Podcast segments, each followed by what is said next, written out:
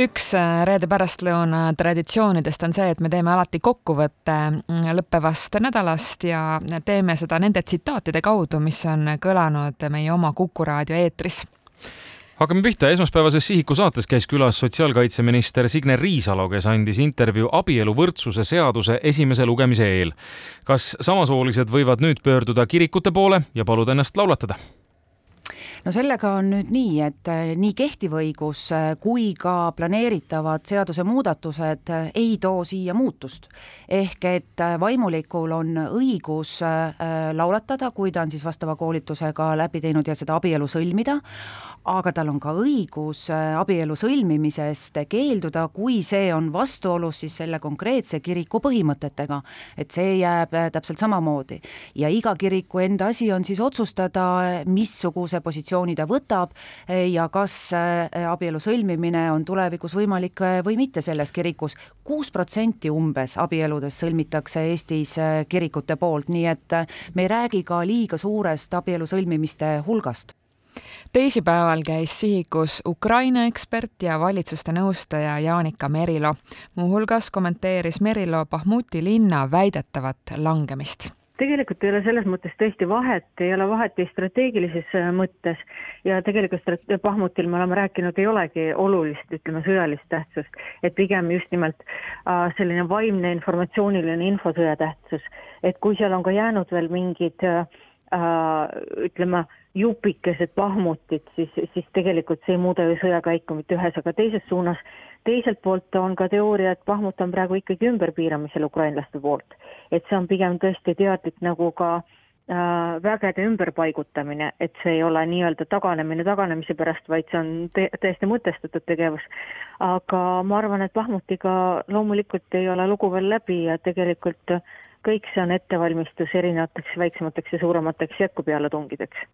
kolmapäevases Kuku pärastlõunas sai sõna Aivar Kukk, kes on Põhja päästekeskuse ohutusjärelevalve büroo juht. Aivar Kukk kommenteeris Suur-Sõjamäe ohtlike jäätmete põlengu kustutustööde kulgu. juurdepääs sellele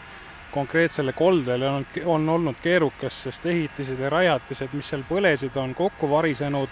Territooriumil on üksjagu seda ohtlike ainete jääke, mis on segunenud kustutusveega et seal liigelda on keeruline ja lisaks ootasime ka rasketehnikat appi, kes siis tuli ja hakkas rususid eemaldama, millede all olevaid koldeid nüüd siis lõpuks kustutada saame. See pilt äh, nendest päästjatest, kes seal kohapeal on ära käinud, meenutab natuke niisugune merereostuse käes olnud linde, kes on niisugused üleni nõgised, et ega see pilt seal ilus ei ole, et me nüüd rajamegi endale niisugust korralikku teed sinna, et saada ilusti kolletele ligi neljapäeval tuli Kuku pärastlõunas jutuks tennisist Kaia Kanepi otsus mängida paarismängus koos Venemaa tennisistiga. oma arvamust avaldas olümpiakomitee juht Urmas Sõõrumaa ma juhin siinpool äh, tähelepanu äh, sellest, et Eesti Olümpiakomitee on oma väga selge seisukoha sõja esimestest tundidest saadik kohe välja öelnud, et äh, sellisel kombel sõdivate riikide äh, Äh, nagu Venemaa ja Valgevene, nendel sportlastel ei ole kohta äh, rahvusvahelistel spordivõistlustel, aga, aga kahjuks on nii, et äh,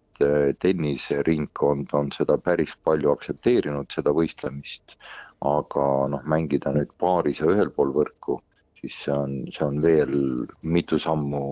muu asi, kui lihtsalt vastu mängida Eesti on värskelt juurde saanud kolm uut Tšomolungma vallutajat. rännumees ja Jäljed gloobusel saatejuht Andres Karu rääkis, kuidas seda maailma kõrgemaid mäge peaks õigupoolest nimetama. mina ütlen Tšomolungma sellepärast, et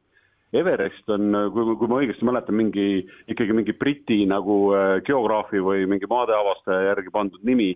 mida kohalikud äh, hõimud ja nemad eriti nagu ei, ei tunnista, et ne, neil on ikkagi see, et nad nimetavad seda Jomalungmaks, mis tähendab noh, noh, mägede jumalannat või maailma jumalannat ja, ja tegelikult sealkandis on ka äh, sanskriti-keelne nimi on rohkem levinud, levinud äh, selle tipu puhul, mis on Sagarmatha ja see, see võiks tähendada nagu taeva tipp, võiks olla selle tõlge. et noh, mis, mis ta siis tegelikult ka on esmaspäevases Raadio Kuku eetris rääkis aga putukateadlane Urmas Tartes, kuidas peaks inimene sääskedesse suhtuma. sääskedega on võimalik täiesti ära harjuda. ja, ja siin muidugi on oluline juba lapsest saadik sääskedega kokku puutuda. et ega tõsi ta on, et kui inimene on elanud enamik elu linnast ei ole ühtegi sääske näinud ja siis, kui ta korra kusagile metsa vahele satub, siis see võib olla jube kogemus kuni allergiliste lähtusteni välja. aga jällegi, noh, me teame nüüd immuunsüsteemist ju inimesel hästi palju viimase paari aasta jooksul, ja et väga palju selliseid immuunsüsteemi,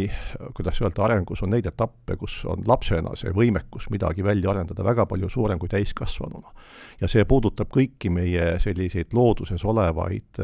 siis erinevaid, on nad siis valgud, viirused, bakterid või siis ka putukad, kelle kaudu need erinevad ained meieni võivad jõuda või, või vahenduda. et see on nagu selline oluline pool, et kui ka teil on väike laps, sünnib perre, et siis Eestimaal kevadel eriti on noh, täiesti ohutu lasta sääsel sealt natukene verd võtta, et see tuleb talle hilisemas elus kasuks